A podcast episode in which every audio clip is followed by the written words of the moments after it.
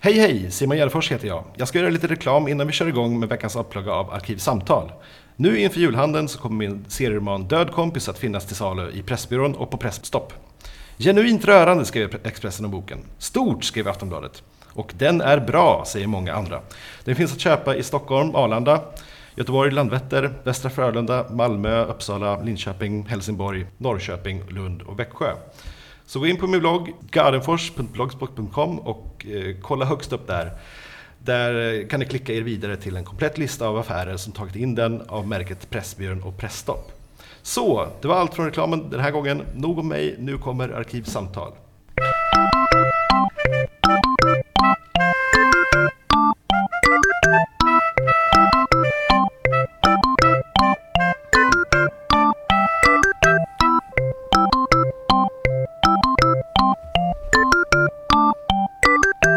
I, eh, vad heter den, i National som ligger i Hiro. Jaha. Mm, jättekonstigt. Den måste nog ehm, jag gå till. Den, ehm, den nyligt öppnad, eller? Ja, precis. Det var lite försnack om pepparkakor då. Eh, då måste jag säga hej och välkomna till Arkivsamtal avsnitt 21. Jag befinner mig i Yokigaya, Otsuka, Tokyo och jag har med mig två gäster eh, som bor i Japan men kommer från Sverige och de får äran att presentera sig själv. Jag heter Erik Garner. Men vi, Jag har bott här i snart ett år och jobbar som forskare. ja. och jag heter Mårten Ekenberg. Jag har bott här lite över ett år. Jag eh, jobbar med marknadsföring brukar jag säga. För att det räcker att så, rätt. Det räcker liksom. Då får du inga fler frågor. Nej, det brukar vara bra så tror jag. Ja, och anledningen att jag bjudit in er eh, egentligen är att för att ni är matnördar. På ännu större matnördar än vad jag själv är. Jag är väldigt intresserad av mat, eh, speciellt att konsumera det själv. Jag, eh, alltså, är eh, ni mest inne på konsumtion eller matlagning? Om man skulle... Eh, Konsumtion. Okej. Ja, jag också. Helt klart konsumtion. Jag gillar att laga mat men gör det inte särskilt ofta. Och Jag tycker, alltså här i Tokyo, det är ju lite mathuvudstaden. Mm. Vad gäller att konsumera. Ja, vi gjorde köttbullar och potatismos och grejer i helgen. Mm, ja, det gjorde vi faktiskt. För att bjuda någon japan på, eller vad? Nej, bara lite allmänna kompisar. Jag hade fått, mina föräldrar var här nyligen och min morsa hade med sig två burkar. Stora burkar, hemlagad lingonsylt. Så jag tänkte att vi skulle ha ett litet lingonsyltparty. Ja. Jaha! så då gjorde vi köttbullar och sen så, ja, min flickvän är vegetarian så eh, hon fick råraka. Okej. Och så efteråt gjorde vi pannkakor med lingonsylt. Mm, hos oss eh, matnördar är, är ju det här frukt i maten lite en känslig fråga. Så jag måste ju fråga, liksom fråga hur, hur ni ställer er till lingonsylt och köttbullar. Jag, jag är hård på min. Alltså jag har vissa undantag från, på frukt i maten. Citrussafter och mango chutney i mat. Liksom. Jag kan acceptera, men jag, jag säger nej till sylt och till köttbullar. Alltså så här lingon och sånt också. Ja, det är ju inte jag. Nej, det behövs liksom tycker jag. Då är jag mest militant frukt i maten-motståndare. Oh ja. Men, men o- om du käkar till exempel kalvstek, kan du köra eh, vin? Typ vinbärsgelé eller sånt där? Eller är det också... Ja, nej, jag föredrar nog utan. Det kan hända, så jag har gjort det. Jag är inte dogmatisk eh, med det. Men eh, jag tycker inte det är, alltså efterrätten hör inte hemma i huvudrätten eh, på samma sätt. Mm. på samma sätt som eh, alltså kött i efterrätten skulle jag kunna jämföra med. Det finns väl i och för sig sån här karamelliserad bacon och sånt som vissa kör med. Mm. Och mm, jag skulle nog säga att jag föredrar kött i efterrätten än, eh, än efterrätt i köttet. Men hur gör du då? Du måste ju använda väldigt, väldigt mycket sås. För att det inte ska bli torrt. Ja, Menar du att eh, du har så mycket frukt att det ersätter all sås och allt som är lite fuktigt? Mm. Eller spraya över någon slags frukt. Över den där söndagssteken som tenderar att vara ganska torr. Alltså jag är, ganska, jag är ett stort fan av både sås och dipp och allting sånt som... Så länge det inte är fruktdipp. Ja, eh, Alltså, jag, fast jag måste... Det är, framförallt är det ju just köttbullar och så här som, som jag käkar liksom sylt. Men annars, alltså, annars är jag nog mest på din linje. Att liksom försöka att undvika att stoppa in en frukt i mat. Ja, det är inte till en schnitzel man riktigt trycker ner en burk hallonsylt. Men lingonsylt i stekt strömming kör jag ju helt klart. Mm, absolut. Så är jag med på den. eh, hur, eh, vi har väl inte lämnat frukt i maten riktigt. Hur är det i Japan med, med frukt i maten? Det är inte så stort här har jag inte uppfattat det som. Alltså jag, dr- jag åt någon soppa, någon soppa häromdagen med, eh, eller uttalas det yuzu? Yuzu. Yuzu. Ehm, en vä- det var någon bekant till mig, Mårten, som jobbar på Invest in Sweden, som tog med mig på någon restaurang där man eh, fick en sån här köttfärssoppa som jag tog, tror var yuzu-baserad. Mm. Men det, det är nog enda gången jag har riktigt eh, kommit över frukt i maten här i Japan. Men alltså, för du nämnde det där med citrussaft. Ja. Räknar du det som frukt i mat? Jag tycker det är ganska...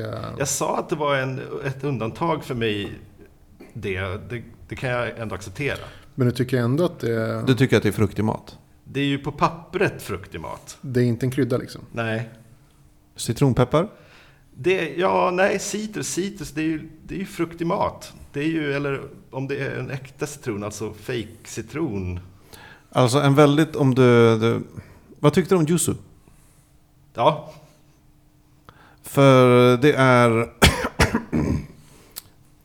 en väldigt god grej du kan testa här då är ju yuzu korso. Som är yuzu och eh, peppar blandat. mhm, det är Japans citronpeppar. Ja, fast eh, Den är lite blöt. den är blöt, den är som pasta liksom. Mhm. Eh, och ehm, Spicy brukar den vara. ja, det, den är, det är supergott till i stort sett vad som helst. Det är grönsaker, grillad kyckling, kött. Du kan ha den på nästan vad som helst. Yuzu kosha. Mm. Eh, rekommenderas varmt om du gillar yuzu. Har ni förresten hört att Blossas, eh, årets smak, de kör ju en glöggsmak, det är yuzu. Jag har faktiskt en sån flaska. Ah, Som jag fick av en kompis när jag åkte till Japan senast. Eh, lite, s- den är s- lite för söt för mig. okej. Vilket nu kommer jag att tänka på att jag har fått ett uppdrag att fota den i japansk miljö. Det var två månader sedan, det har inte hänt. Så jag kanske borde göra det. Du får göra det. Spring hem direkt efter det här och göra det. Jag tycker annars att det här blossaglöggarna, jag tycker det går bort sig lite där alltså. Alltså i allmänhet. Jag menar, det är okej men det är verkligen mycket novelty act. Alltså, man smakar en sipp och säger ja det var en kaffeglögg, det var ju lite gott. Eller ja det var vanilj i år. Mm. Så här. Eh, Jag tycker vanlig, fast det finns ingen anledning att göra avsteg från vanlig vinglögg. Så är det ju lite med limited edition-grejer, är ju ofta en sån här, ett slappt marknadsföringstrick. Alltså när Kalles Kaviar introducerar, introducerar banankaviar. Var det inte för att de tror att det ska slå och finnas för alltid. Eh, Det är mest för att få uppmärksamhet till originalprodukten. Ja, just det.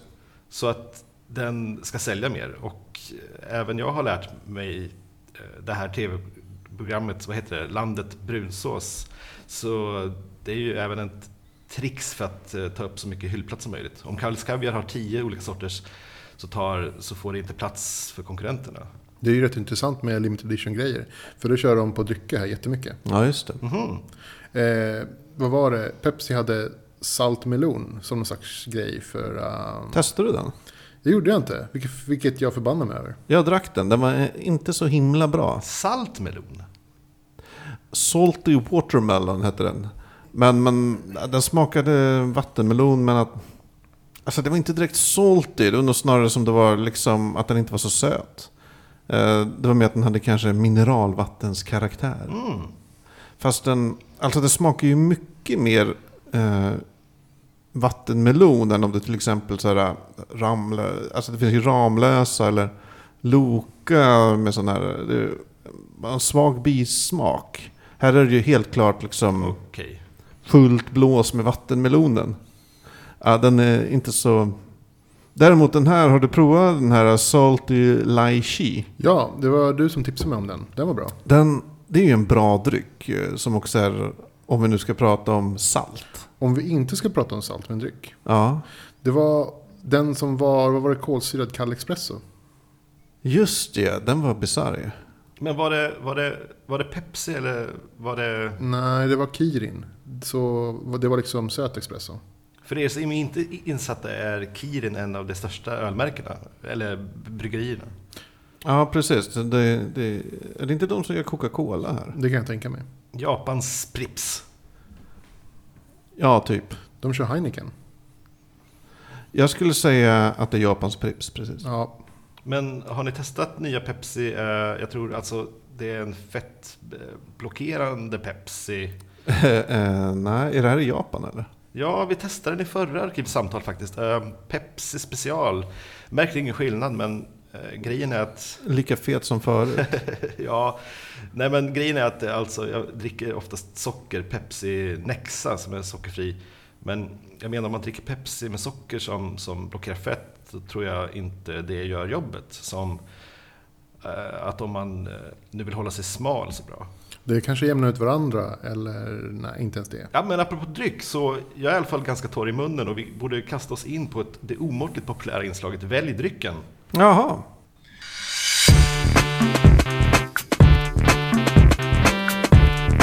Jag tror vi börjar med det fasta inslaget. Välj drycken! Jag förberedde lite genom att eh, låta er kolla kylskåpet innan ni satte er och det fanns, var det både Kirin och Sappoöl, Vad Det apes- var Ipsy. Ibsu, som är en stadsdel i Tokyo, Det är det också ja. ett, och ett jeansmärke. Då uttalar de det Evisu. Men ja, och det står Ebisu och den ölen står det med y i början, Jebisu. Men det är väl bara tolkningen av japanska tecknena då antar jag.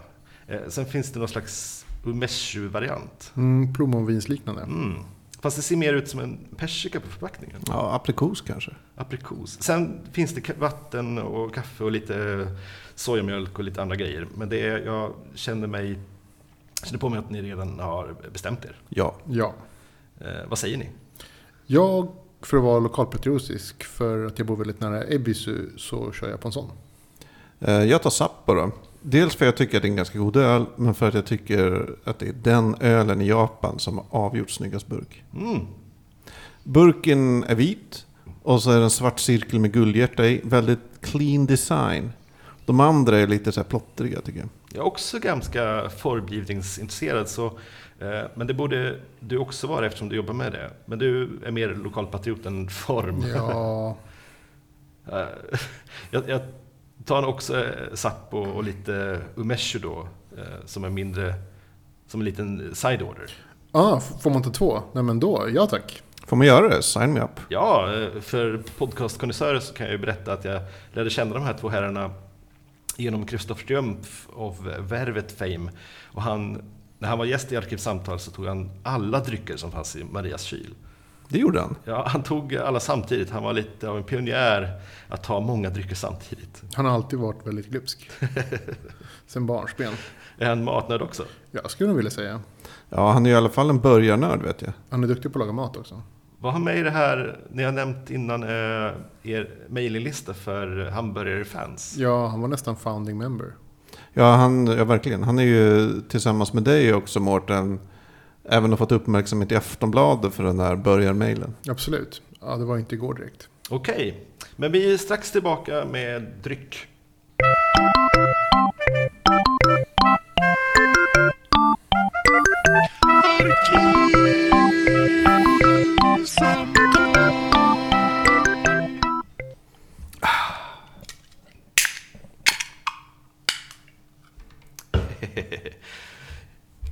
Ja, det var du Mårten som sa att vi ville ha det som ringsignal på mobilen. Ja, jag tänkte mer som sms-signal. Ja, det är faktiskt en bra idé. Det är ju eh, sms kanske man vill ha kanske mer diskret. Ja, precis. Mm. Skål och välkomna! Skål, skål. Ehm, och Umeshu Sideorden som är i snapsglas, jag tror att det har bott andra svenskar här i lägenheten. Jag får låna av... Ja, det ser verkligen ut som våra svenska snapsglas. Ja, Ja, Arts in Seau Tokyo. jag tror vi skippar snapsisen i alla fall. Passar inte till Um- Umishu. Fin, finns det några japanska snapsvisor? Kör de med sånt? Nej, det gör de väl inte vad jag vet. Nej, de sjunger väl när de, mer när de blir packade tror jag. Pre- Precis, men för att någon gång har jag väl sjungit någon snapsvisa och det har varit väldigt uppskattat och uppfattas som exotiskt. Så jag tror inte det tillhör vanligheten. När, eh, jag undrar, finns det andra länder som kör med snaps, snapsvisor förutom Sverige? Hoppas inte.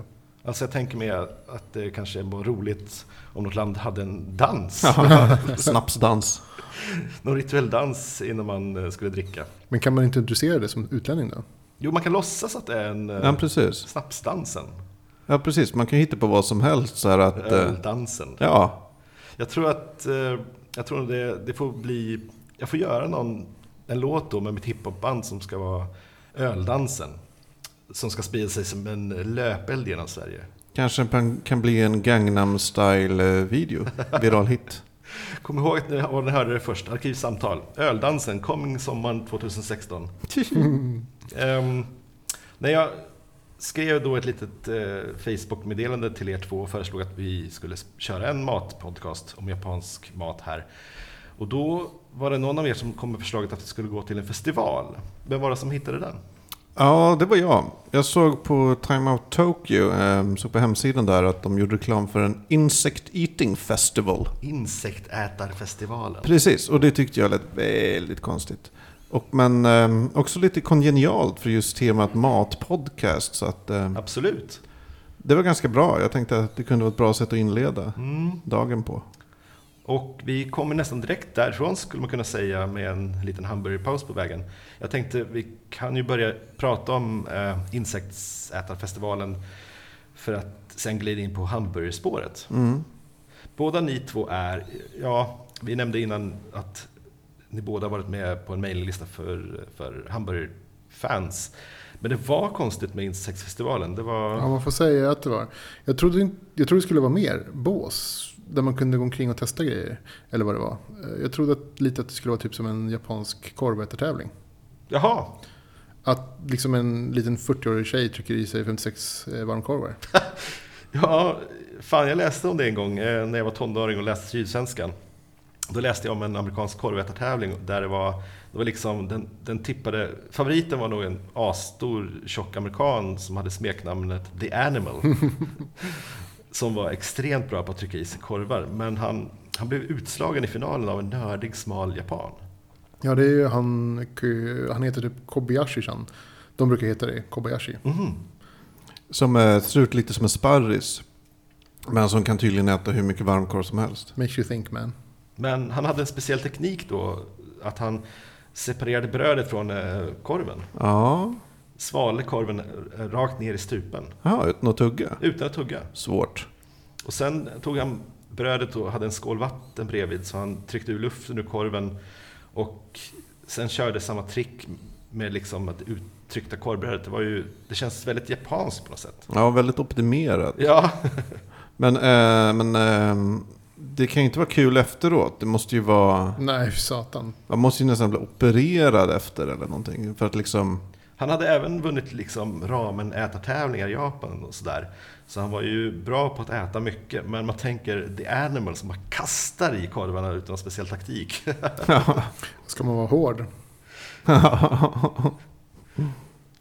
400 kronor för att se finalen. Ska man vara så hård att man kan säga att det är Japan mot USA lite generellt? ja. Ja, det är en väldigt bra symbol för hela...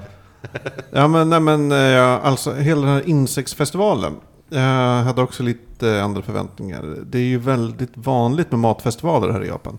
Jag var på... Jag och Frej var i Kawasakis matfestival. Ja.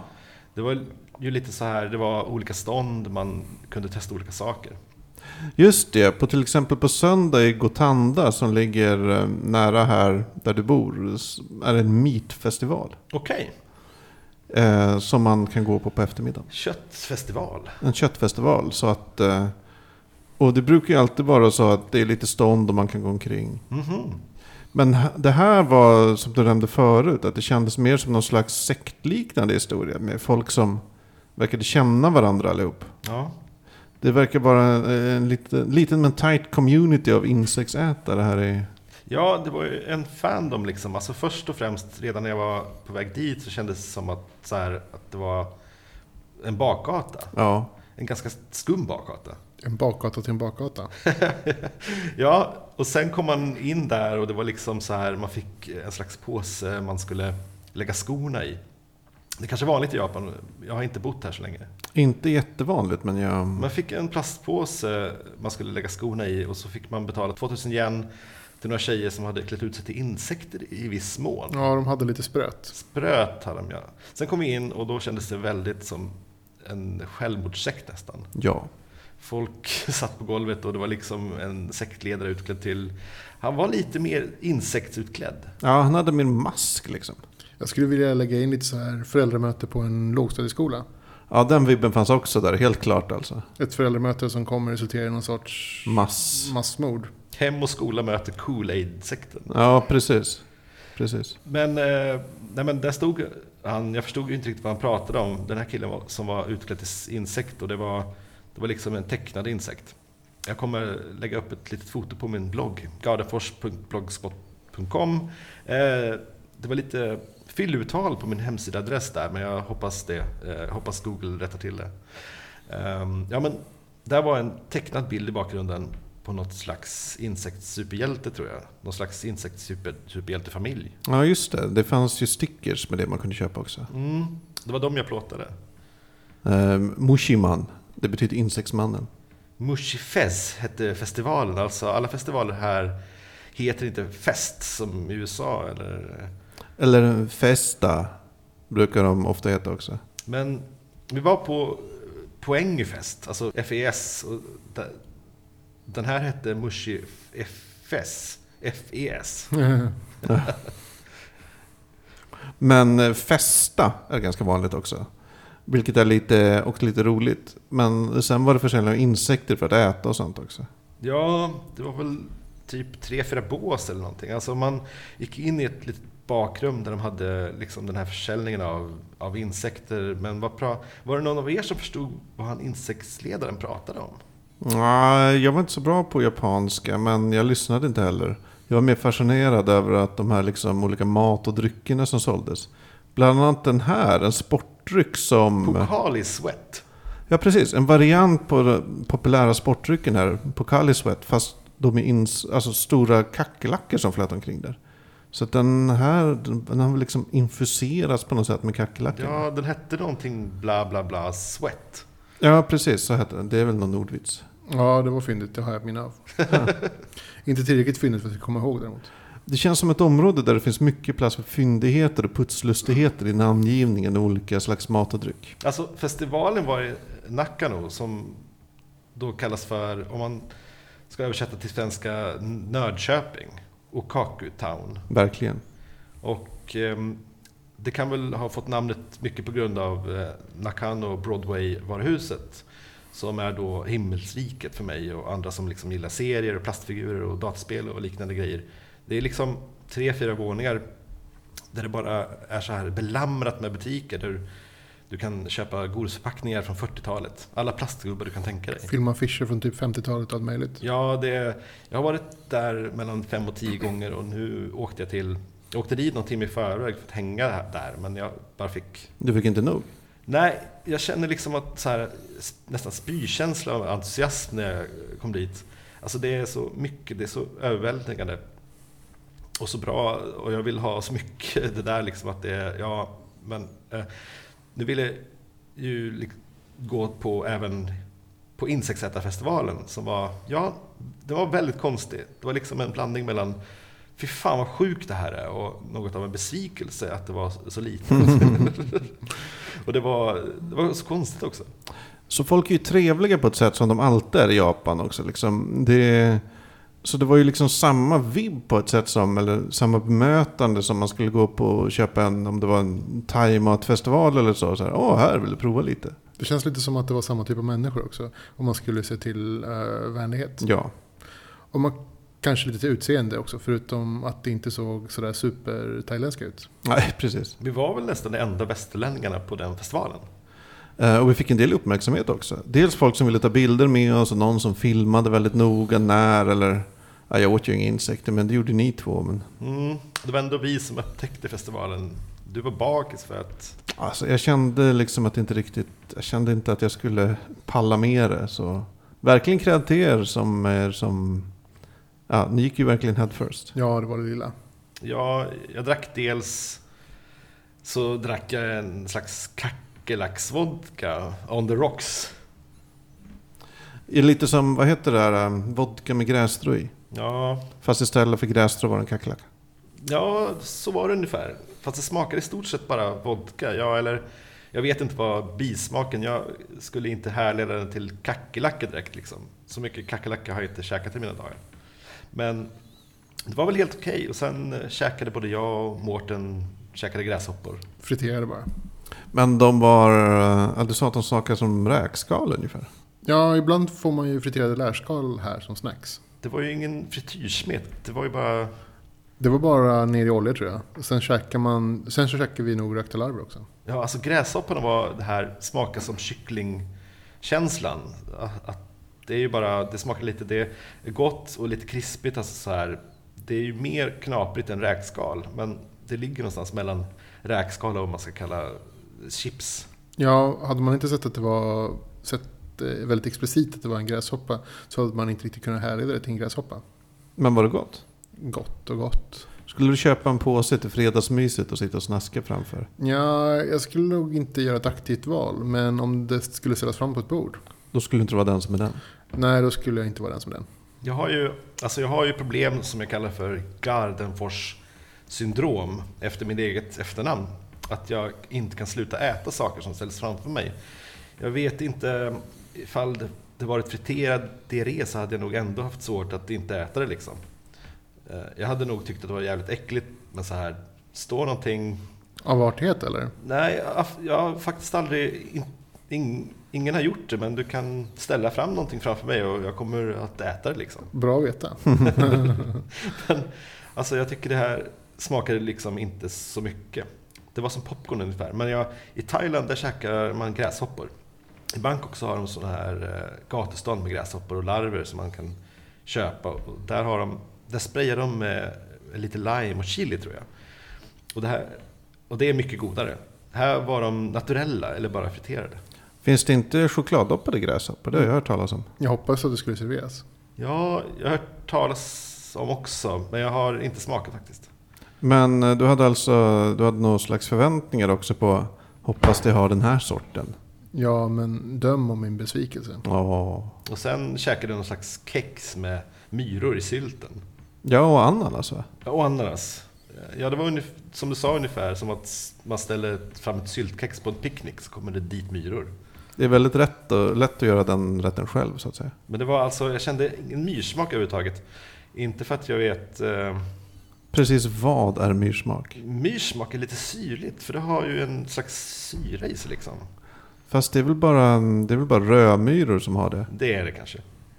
För de har man ju ätit typ när man var barn. Ja, pissmyror. Har man? Jaha, det har man tydligen gjort. Eh, ja, men det har jag någon form av minne av. Att man liksom provat att käka en pissmyra. Mm, det har jag också gjort. Men det här var väl lite mer så här små svarta, jag undrar om... Ja, de smakar ju ingenting. Alltså, de dränktes ju av sylt och sådär. Men hur var de rökta larverna då? De smakade väl rö- rökta grejer smakar ju ganska likt. Ja, Det är en rökt smak.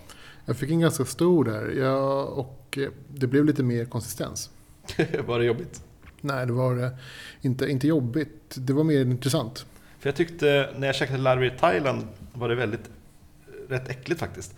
Alltså, för det är ju slemmigt på ett annat sätt. Gräshoppor är ju krispiga. Mm. ja. Men vad sa du, vad, hur var den smaken? Mm, mjuk. Mjuk smak? Ja, mjukt rökt smak. Jag vet inte riktigt vad man ska jämföra med. Mosad rökt fisk. Man såg det ändå skölja munnen lite, inte skölja munnen men, men dricka någonting. Eh, vad var det, du köpte en dryck väldigt snabbt efter vi kom ut. ja en Pocali Sweat. Ja, Var det på Karl Sweat? ja det var det. det. Jag tyckte det var härligt då. Mm, jag drack Welch's Grape innan jag kom in.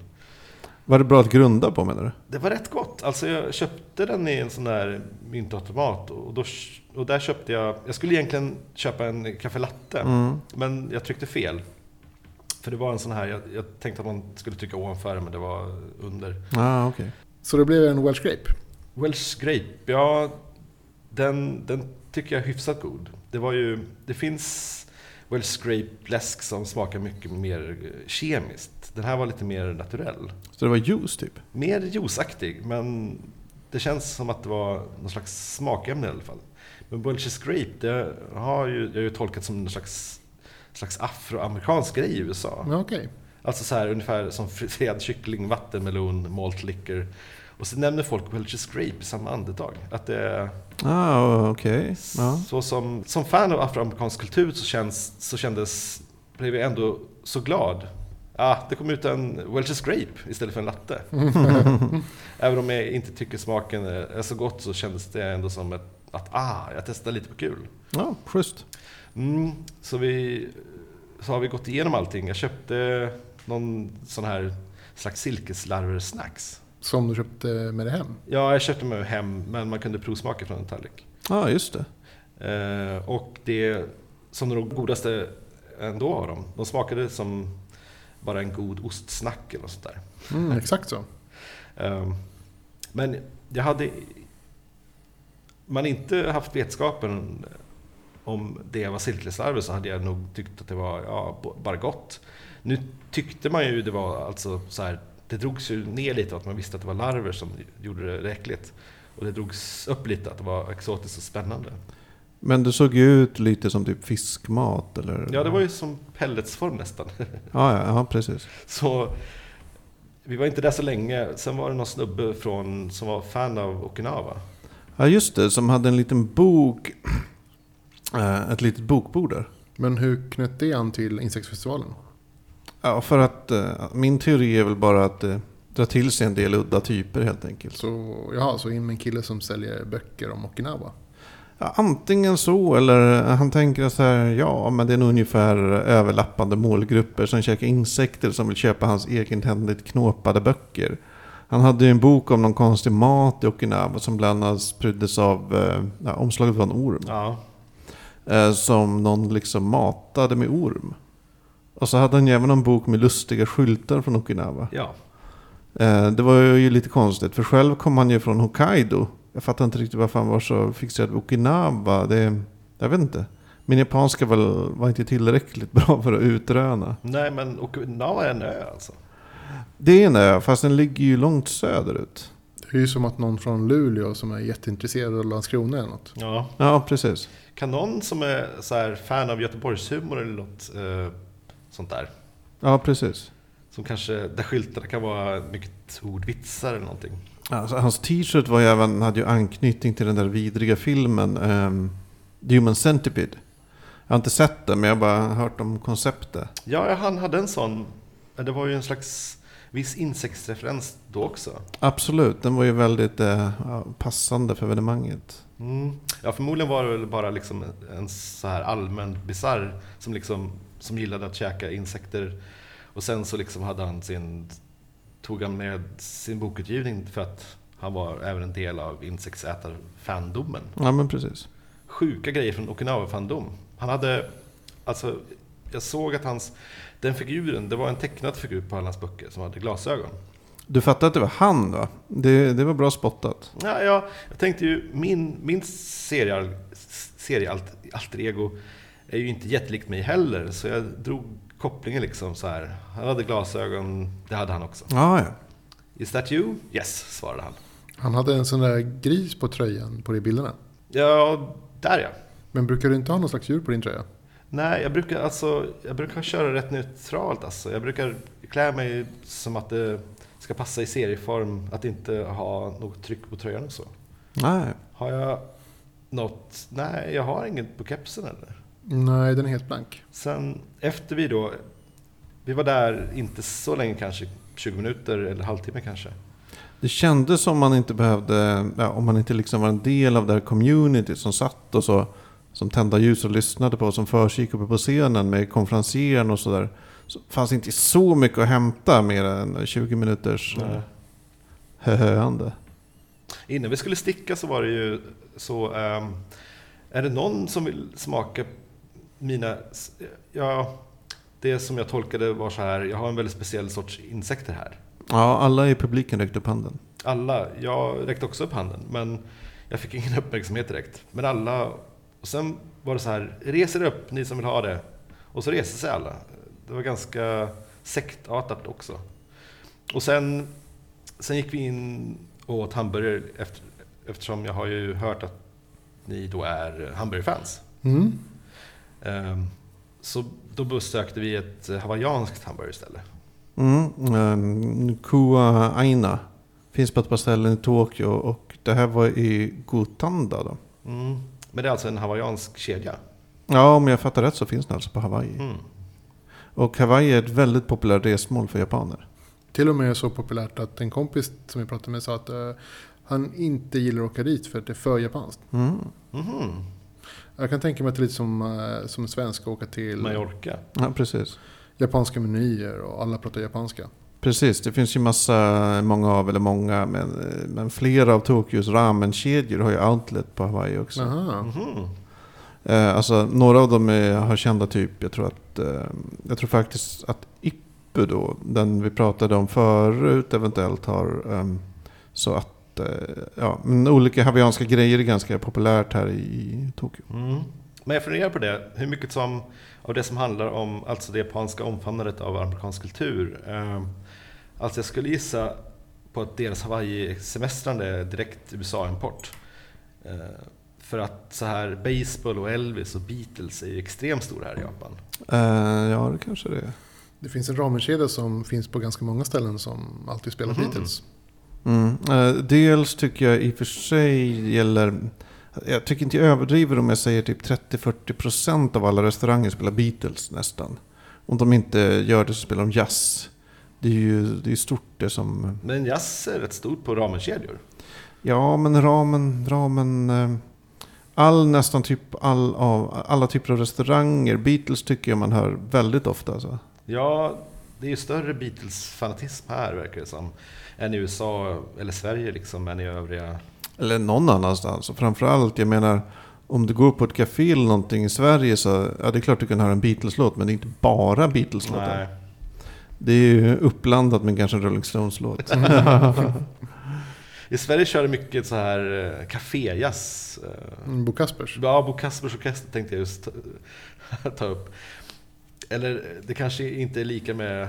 Gypsy Kings är rätt stort på kaféer i Sverige också. Mm. Men eh, det är ju lite så att Japan är liksom landet för fans överhuvudtaget. Oh ja. Alltså så här, alltså fankultur, nördkultur, extrem liksom insnöning. Absolut. Och jag menar, Beatles är ju nästan symbolen för så här Beatles-hysteri. Det som, det som finns ju nästan som, som ett ord. Och liksom om man är Beatles-fantast såklart så har även Japan anammat det som... Mm, ja, men det, det var en rätt bra poäng, helt klart. Jag gissar på att det finns Beatles-manga då också liksom. Eh, fan, det finns en... Skulle inte förvåna mig. Det finns en av mina favoritserietecknare, Motu Hideasu, när han, han är ju, alltså, så han har ju specialiserat sig då på George Harrison. Ja, tecknad serie om George Harrison. Nej, en serie handlade mest om att han samlade på skivor med George Harrison. Wow, pengarna rullar in. Försäljningssiffrorna i taket. Alltså han var väldigt stor alltså. Han som nu, jag intervjuade honom, men nu när Japans ekonomi var dålig så tjänade han inte så mycket pengar. Men när den var som störst så, alltså jag är ju inte bara den serien om den skivsamlade George Harrison-fanet, men det är liksom hans självbiografiska del i serieskapandet. Men han gjorde liksom så här Coca-Cola-illustrationer på burkarna. Som, Ja, okej. när eh, ekonomin rullade på som bäst. och, när han, och han har fått eh, en egen plastfigur och sådär. Okej. Fast det är klart när, man blir, eh, när det blir ekonomisk kris, bland det första man drar ner på är George Harrison-relaterade serier. det ryker ju oftast först. Det har vi sett i många länder. Grekland, Spanien. Men vilka är de bästa hamburgerkedjorna i Japan skulle ni säga? Kedja och kedja, men o- om man skulle ta ställen som finns ja, på fler än ett ställe. Mm. Jag gillar ett ställe som heter Golden Brown. Den finns i Nakameguru och Montesando. Mm. Mycket trivsamt. Själv så gillar jag Freshness Burger rätt mycket. Jag vet att jag får mothugg ibland från olika håll på det, men jag tycker det är väldigt bra burgare. Det är den där jävla stora biten lök som de lägger på. Ja, fast vet du vad? Då ber man om utan. Så kan man göra. Är det då rå lök eller? Onion nuki. Är det stekt eller rå lök? Alltså den är... Lite halvstekt va? Ja, sådär. Den börjar bli lite mjuk och tappa löksmaken. För du sa att du var ett fan av rå lök. Ja, herregud. Käkar det som äpplen. Som handfrukt. Eh, nej men annars så, en bra kedja tycker jag är Beckers. Mm, håller med. Den har jag inte sett överhuvudtaget. Ehm, den är inte, finns inte på så många ställen. Den är inte liksom... eh, I Yokohabara, den här stationen. ja, Eh, Det finns väl lite här och var, men inte så ovanligt. Sen Mossburger är ju, skulle jag vilja, skulle jag gissa kanske är den populäraste. Den finns här i Yukigaya Otsuka också. Alltså, det är den jag har sett på flest ställen. Freshness Burger har jag sett på rätt många ställen också. De är, de, även för folk i min närhet som är vegetarianer är den bra. Det har någon sån där bean burger och en tofu-burger som är goda. Ja, just det. Så att, eh, men där har jag gått en hel del också. Och utseendemässigt är väl Freshness lite härligare än Mossburger. Ja, ja, de ser ju mycket mer ati- aptitliga ut, helt klart. Ja, Eh, sen, det är ju två riktigt dåliga kedjor tycker jag är eh, Lotteria och eh, First Kitchen. Lotteria, det låter verkligen som att det kan bli vad som helst. Ett lotteri.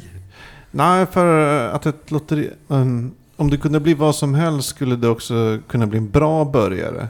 Fast det kan det inte bli här, bara dåligt.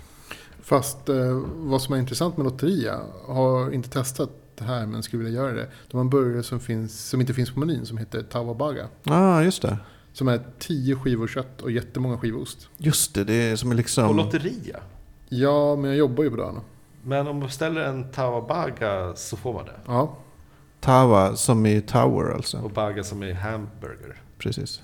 men man lär ju behöva gå dit på en tid då det inte är rusning liksom. Mm. För jag kan ju tänka mig att det tar kanske inte tio gånger så lång tid att göra som en vanlig hamburgare, men, eh, men lite mer tid. Men det är en slags gimmickburgare då liksom. Ja, precis. Det är ingen som... eh, Det fanns tydligen en kampanj för ganska många år sedan när de skyltade med den. Men det kanske, alltså, för nu kommer jag inte ihåg. Jag har, har ju bara ätit på Lotteria typ en gång för att jag tyckte det var så dåligt. Eh, Men jag kommer inte riktigt ihåg om hur köttet, alltså hur mycket köttet bidrar till dåligheten så att säga. Det kan ju vara så att eh, ju mer kött desto bättre för att kanske... Ja, det är en gammal regel. Ja men det är ju det, är ju det så att, eh, ja, men tror du att du kommer testa den? Det kommer jag absolut göra. Tower burger. Ja. Men måste man, man måste nog vara i en väldigt speciell sinnesstämning för att, eh, för att se framför sig Ska man inte vara många som delar på den? Eller är det fusk? ja, det är fusk. Okej, men hur många? Tio skiv- skivor kött? Ja, det är jättemycket. Det kommer man ju inte alls orka. Man kommer ju må svindåligt. Men vi kanske borde göra en liten filmklipp där vi testar tawabaga någon gång. Här måste jag... Jag har en kompis som käkade 13 cheeseburgare en gång. Okej. Oj! Alltså inte utdraget över en vecka eller sådär, utan på en gång. Han mådde, jätte, han mådde jättedåligt efteråt. Spyddan? Ja, det gjorde han. Okej. Eh, ja, har ni hört om eh, potato parties? Nej. Nej. Eh, Donken hade ganska nyligen en drive där man kunde för samma pris köpa en stor pommes frites. Eller för samma pris som en mellan typ 100 igen. Och eh, då var det några kreativa typer, gymnasieungdomar, Jag läste om det här. som gick upp typ ett helt gäng och köpte sig 50 stora pommes frites. Det täckte, täckte ett helt bord. Så att, eh, och så liksom tog de brickorna och liksom byggde ett helt berg av pommes frites. Och sen så tog de bilder på det och typ la ut på Twitter ja, och så spreds det ju som en löpeld och följdes upp av andra potato parties och eh, det fick även då det, ja, McDonalds var inte helt nöjda med det och därför var det liksom lite disruptive för deras vanliga business. Det var inte vad de hade tänkt sig. Nej, så här att det kommer in tio gymnasieungdomar och köper 60 stora pommes frites eh, och sen så under stort storgstim tar en massa bilder och käkar upp det där under typ, ja det tar väl, det tog väl säkert ett par timmar att käka upp det. Eh, Men alltså det har varit, eh, det har varit ett litet minifenomen nu, helt kopplat till de här rabatterna på pommes frites som numera är borta. Eh, Så det har varit bra, bara någonting som existerade i några veckor men då spred det sig som en löpeld på Twitter i Japan. Var det... Kalle sig B-King då? Nej, det var inte B-King. B-King var något annat. Förklara B-King-fenomenet. Eh, B-King är alltså eh, ja, typ eh, ja, en buffé. All you can eat liksom. Eh, Jag tror att det kom hit. Jag tror att det var ett hotell som började med konceptet efter att man hade varit i Sverige och sett smörgåsbord. Och sen kom de tillbaka med smörgåsbord, det är liksom för krångligt att säga. Men okej, vi säger viking. Eh, Eller då viking. Men det blir ju liksom, japaner säger eh, V och B på samma sätt så det blir viking. Cykling. Ja, precis. Men Burger King hade ju då... um, Stavas det med B då om man säger som... Brukar stavas med V tror jag. Ja, V eller B. Burger King hade ju då väldigt nyligen en... en alltså det var ju lite mer en ordvits då. En biking deal. Ah, Burger King, Biking. Ja, precis. Jag tror det var eh, om man käkade det, om man köper deras pumpaburgare som var någon slags halloweenburgare. eh, Det var bara vissa datum. Så kunde man få gratis påfyllning av liksom flera burgare. Om man liksom eh, det fick inte gå längre än typ 10 eller 15 minuter mellan varje påfyllning. Så kunde man på något sätt få hur många burgare man ville. Då var det då en väldigt kort kampanj då. Jag, jag testade aldrig det men ja. Men du berättade att de hade haft en kampanj med en svart hamburgare. Ja just det, det var på Burger King också. Mm. Jag vet inte, vad, vad var det som var svart i den? Var det sesam eller vad? Jag vet inte. Var brödet svart också? Bröd var Var kolsvart. allting svart? Såg väldigt märkligt ut. Väldigt oaptitligt. Såg nästan ut som det liksom en förkolnad burgare. Ja, tänk om det var det. Ja, det kanske var det. Jätteäckligt. Nej, jag är intresserad av att testa faktiskt. Ja, Jag tror inte att den finns på menyn längre dock, men ja. Det lär finnas något ställe i Norrland, tror jag det var. Jag har bara hört talas om det, som var en ostburgare där de liksom gör klart ostburgaren. Eller jag är osäker på ifall det doppade hela burgaren ner i smältost eller om det bara är själva hamburgaren som doppas i smältost. Och eh, sen... Det låter fantastiskt. Det låter rätt bra faktiskt. Det finns, vad var det jag såg om det? Att om man lägger en bit ost i köttpärtin steker man, steker man den så. Okej. Så smälter den där osten ut. Så det finns ju mo- det finns i vanlig matlagning så att säga finns det ju så här mozzarellafyllda biffar och sånt där som är där man har ost i mitten av dem. Men Ja, det var ju någon kedja som körde den här. Det som vi var och åt, eh, som inte är hambaga, men hambagu, det vill säga pannbiff, det finns ju med ostfyllt också. okej, Ja, man kan få det på olika ställen. Mm. jag tänkte det när man moddade burgaren själv, alltså så här potato parties. Så var det en kompis som går under artistnamnet Agro. Han är serieskap, tecknare och rappare. Han gjorde ett eh, videoklipp där byggde den så kallade gettoburgaren. Som är då att eh, på McDonalds finns ju så här tvåvåningsburgare som kostar runt 50 spänn. Men jag menar, Ja, typ som Big Mac alltså. ja, Big Mac eller de. Jag vet inte om de har fler olika.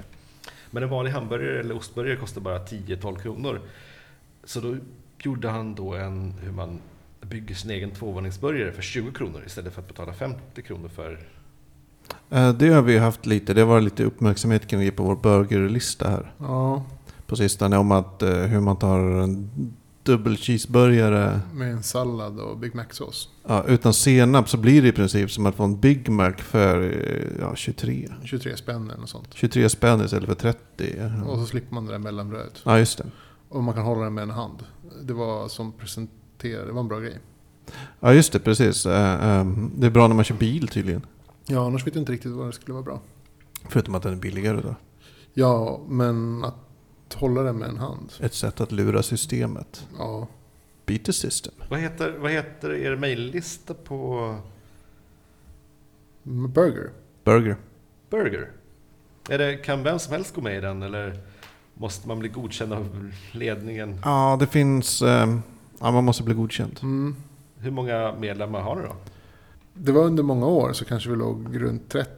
Nu tror jag det är 130, 130 senast jag kollade. Ja, det är så många alltså. Men Många som lurkar.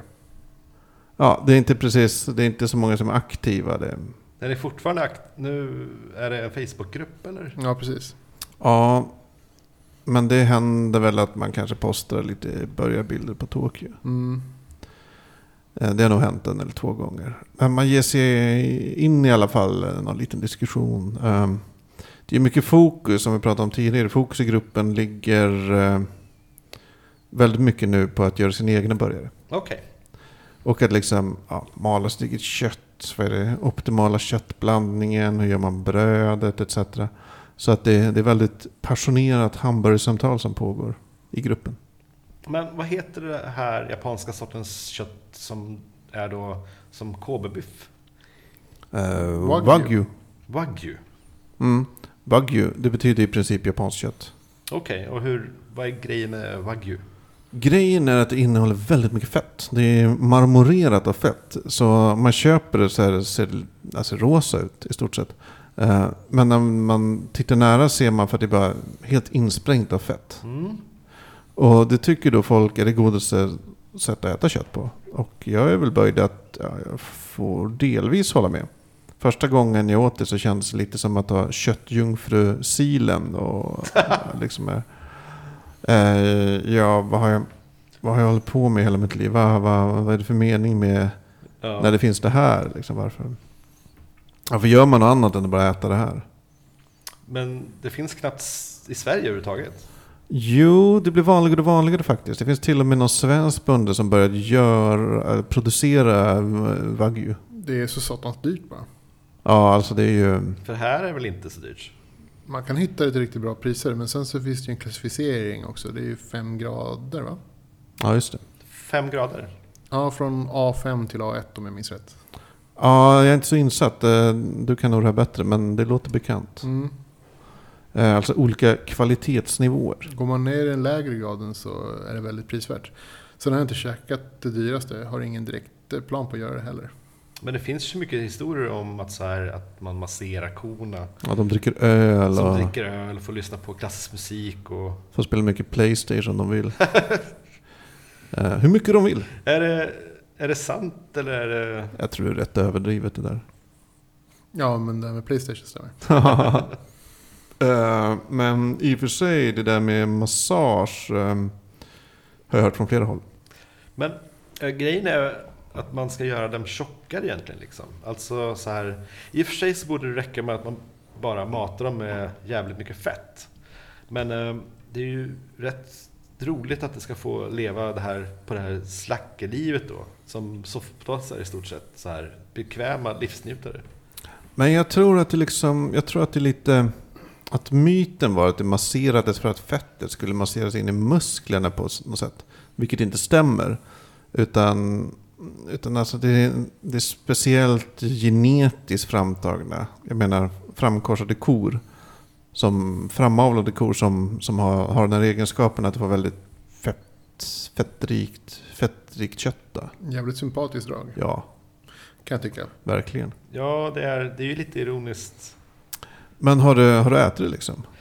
Jag var, jag var på matfestivalen i Kawasaki. Så var det så här att eh, det var jag och Frej som träffade en tjej på tunnel. Vi hade festat hela natten. Och så satt vi på tunnelbanan och började snacka med någon tjej, tjej som bara satt där. För de var på väg till jobbet och vi var på väg hem Ja, ja. eh, fest, från festen. Och eh, då skulle en, en tjej jobba på matfestivalen i Kawasaki. Så tyckte vi, ah, fan vi drar dit. Sen eh, hängde vi med henne och hennes arbetskamrater till. Och, ho- och hon kunde inte jättebra engelska. Och vi frågade just om vilken mat hon körde med. Och då sa hon meat on a stick. ja, ja. Och eh, Frey hade lite vegetariska ambitioner. Han sa att han ville vara vegetarian då. Så han li- sa liksom, eh, men kan du inte testa det Simon? Eh, ehm, av ren liksom, vänlighet. För att vi, f- hon tog med oss på den här festivalen. Ja, ja. Och sådär. Och då beställde jag det.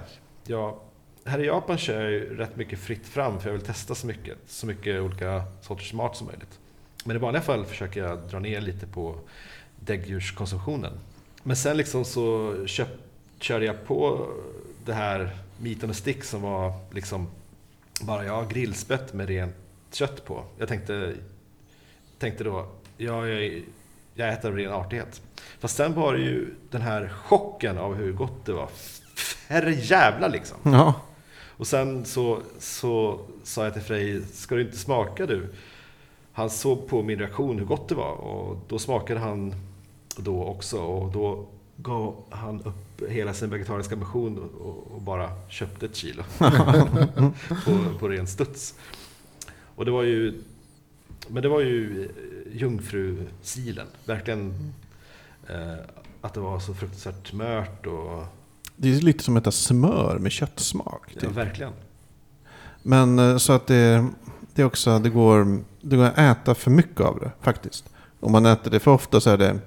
Ja, det känns lite för fett tycker jag i alla fall. Och vi var ju och käkade för någon vecka sedan. ja, Lite sånt där. Och var väl båda överens om att vi ville ha något mer som inte var fett för att avrunda. Ja, precis. Ja. Ni började, ni började liksom vänja er.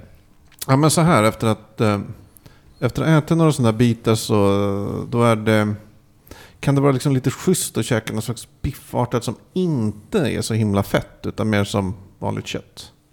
Ehm, Ja, man kanske kan tröttna på allting. Några kompisar var på semester och så här och, och rökte på varje dag.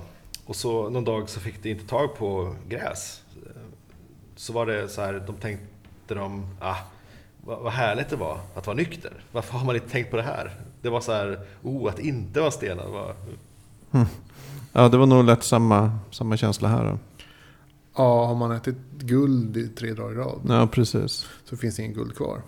Då är det helt okej med en tallrik fil. Ja, Fjärde dagen liksom. exakt så. Men det finns några så här kända hamburgerställen här med eh, och, och Eh, wagyu. wagyu. Jag lär mig aldrig hur det uttalas. Ja, Blackhouse som ligger i Ebbsö. Mm. Det har eh, wagyu-kött. Det är även ett slakteri inne i själva hamburgerrestaurangen. Oj! Och väldigt sympatiskt drag för att ha för att utanför så har det ID-numren på det djur som serveras just den dagen. Så det går att tracka liksom. Om man då är liksom intresserad av det så kan man... Ja, för varje sån där wagyu-ko har liksom ett speciellt ID-nummer. Eh, så man kan se precis vad det är för kött som pressen som serveras den dagen. Men säger det någonting liksom? Är det för... Ja, det finns säkert. Ganska mycket som gimmick men... men Det finns säkert japaner som är så här nednördade i den här, gå- i den här gården och den här herrn eller damen som föder upp det här. Som tycker att den är den bästa. enbart äter kött från den Sato. gården eller prefekturen eller what not. Det är nog ingen som kollar upp det. Eh, Det är ungefär som, som om man köper en sån här eh, använda trosor på porraffären här. Så får man med en liten suddig på, på bild av den som har använt trosorna. Jag tycker det var en lysande, en briljant jämförelse. Ja, det är säkert i... Ah, hur, man, hur ska man kunna bevisa att det är den... Nej, det, det är nog lika svårt i båda fallen kanske. Ja, det känns som att vi har nörat in, vi har snöat in nästan lite för mycket på, eller inte för mycket ska jag inte säga, utan jag tycker det är bra när man pratar så här passionerat om någonting. Alltså vi hade pratat om insektsfestivalen och hamburgare nu i 53,5 minut så, och vi, vi, jag, min tanke var från början att, var ju att vi skulle gå igenom liksom japansk matkultur och s- sådär. Så jag har tänkt, jag tänkte om ni vill, att- vill så kan vi Eh, så kan vi köra en del två av japansk mat. Där vi går mer igenom så här, de olika ja, grundstommarna inom japanska mat och sådär. Absolut. Men det, det är nog lättare om vi gör det vid ett annat tillfälle. Men om ni, om ni vill så kan vi köra nu på, på ren volley och köra en timme till. Men det kanske är för brutalt, vad säger ni? Mm. Det är ändå en viss restid ut hit för att köra. Ah, så lång tid tog det inte att köra. Nej, det var... Kan vi köra, kan vi köra nästa vecka igen? Ja, ah, trevligt att få tillfälle att... eh, Mm. Så då, jag tänkte, för jag köpte en, en mangas, alltså så i eh, Shimokitazawa som finns, det är en affär som heter Village Vanguard. Mm, just det, det finns i Shibuya också. Finns i Shibuya också. Mm. Det är liksom, det har sloganen Exciting Bookstore. Ja, fast det finns ju en massa andra sköna prylar. Det är skämtartiklar och är lite ryggsäckar och eh, godis och allting. Men där har de en hel hylla med matmanga. Ja, Mm. En hel vägg med matmanga. just det. Och där köpte jag en, en bok som var, eh, verkar vara hamburgernörderi. Okej. Det var liksom lite svinigt tecknat eh, utsida. Det var, jag ska lägga upp en bild på det på gardenfors.blogspot.com. Ehm, men det verkar som att halva boken var så här sneakernörderi och halva var eh, hamburgernörderi. Ja. Ehm, åh, men det, finns, det fanns många volymer, alltså alla, alla hade någon slags mattema. Men Jag tänkte att ni skulle få kolla. Ja, vi kan göra en liten paus nu så kan vi väl bläddra igenom det och se. Och sen så kan vi prata lite om den här C-boken. Jättebra. Okej. Nu, innan jag hann upp för trappan och hämta den här matmangan så började vi prata lite om Oishimbo som är favoritmatmanga. Och att det, de har sålt i typ 30 miljoner exemplar. Och det finns även eh, som animerad film, animerad tv-serie. Oishimbo.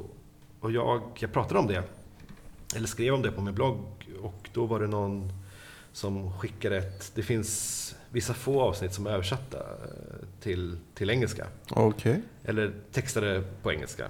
Och då såg jag, jag tror att det var en slags långfilm med Oishimbo som hette Rise Wars. Eh, om ni söker på den. Om ni söker på Oishimbo och, mi- och min blogg så kommer ni hitta.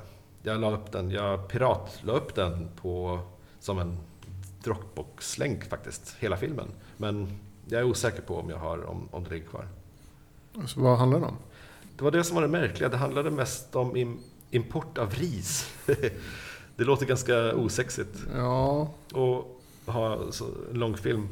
Men det var ganska intressant faktiskt. Det var så här, det handlade liksom om ett japansk ris var i lite fara för att man importerade ris från USA. eh, För att det var billigare och kanske odlat på ett annat sätt. där, så- sådär. Men eh, att de, skulle, att de funderade på att lätta på importrestriktionerna.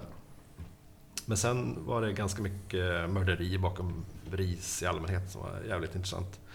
Och, eh, de snurrade även in lite på sån här keramiknörderi. För att de serverade maten på vissa liksom... eh, Ja, just det. För att det var... verkade som att det fanns ett sånt specialintresse för det också. Mm. Nu ska jag upp och hämta den här matmangan. Hehe. Ja, och nu har jag varit och hämtat eh, lite matmanga och lite mer öl eh, för de sista minuterna i Arkivets samtal eh, för den här veckan. Ah, man säger ah när man dricker fast man kan i och för sig köra Eh, ljudet i sig själv, man njuter av ljudet. Men jag har hämtat den, kanske titlarna du kan läsa i alla fall. Eh, inte för att det spelar någon större roll. Och Shimbo à la carte är de som jag har med mig från Sverige eh, översatta från- till engelska. Sen så en, en som handlar, en mer mainstream manga som jag köpt på 7-Eleven som handlar om sushi. Och sen eh, en- så en som jag har ingen aning, det verkar vara någon, slags, någon öldrickande kille som äter och sen den här som handlar om hamburgare och gympaskdojor. mm, just det. Och Mårten avslöjade just att han även varit ett gympaskofantast en gång i tiden. Ja, det är otroligt länge sedan. Så att, men det verkar ändå vara en manga för dig. Eh, Det kanske... eh, Eller det, du ska börja... Om du inte har läst mycket serier innan kanske det är det som... Nej, i och för sig, du, du kan inte japanska, inte japanska så bra. Så det, det kanske det är problemet. Ja, fast jag har i stort sett aldrig kollat på tecknade bilder så det kan ju vara ett bra steg in. Ja, men det här, det finns ju en volym av det översatta Yoshimbo som finns i olika volymer. Ehm, Det finns en som handlar om eh, Isakaya Pub Food som är då pubmaten i Japan. Isakaya, matbarerna. Just det. Och då, det är en maträtt som jag har letat väldigt mycket efter som i det här eh, eh, Oishimbo beskrivs som potato stewed in butter. Det vill säga att de kokar en potatis i fyra timmar tillsammans med smör och, och fiskdashi. Ja. Men jag har frågat efter den på tusentals, ja, eller över det gör jag, men fyra, fem i Sakaya. Men jag har inte hittat det än. Okej, men står det vad den heter på japanska? Ja, jag tror det. Det står eh, Eh, eller är den översatt? Det är namnet översatt. Det står, den är känd från den här och den här iskajen. Vi kollade in den, men det var... Men det kanske vi- vi kan eh, testa också inför nästa, nästa episod. Eh, Kan vi försöka leta upp den? Frågan om, man kan hitta, om vi kan hitta vad det är på japanska så kan vi googla och se var, var man skulle kunna hitta det kanske. Ja, det kan vi göra. Men då tror jag att det är dags att säga... Det var allt från Arkivsamtal den här veckan. Tack för mig! Jag heter Simon Gärdefors. Erik Garner, tack så mycket. Och Mårten Ekenberg tackar också. Fullbordat samtal.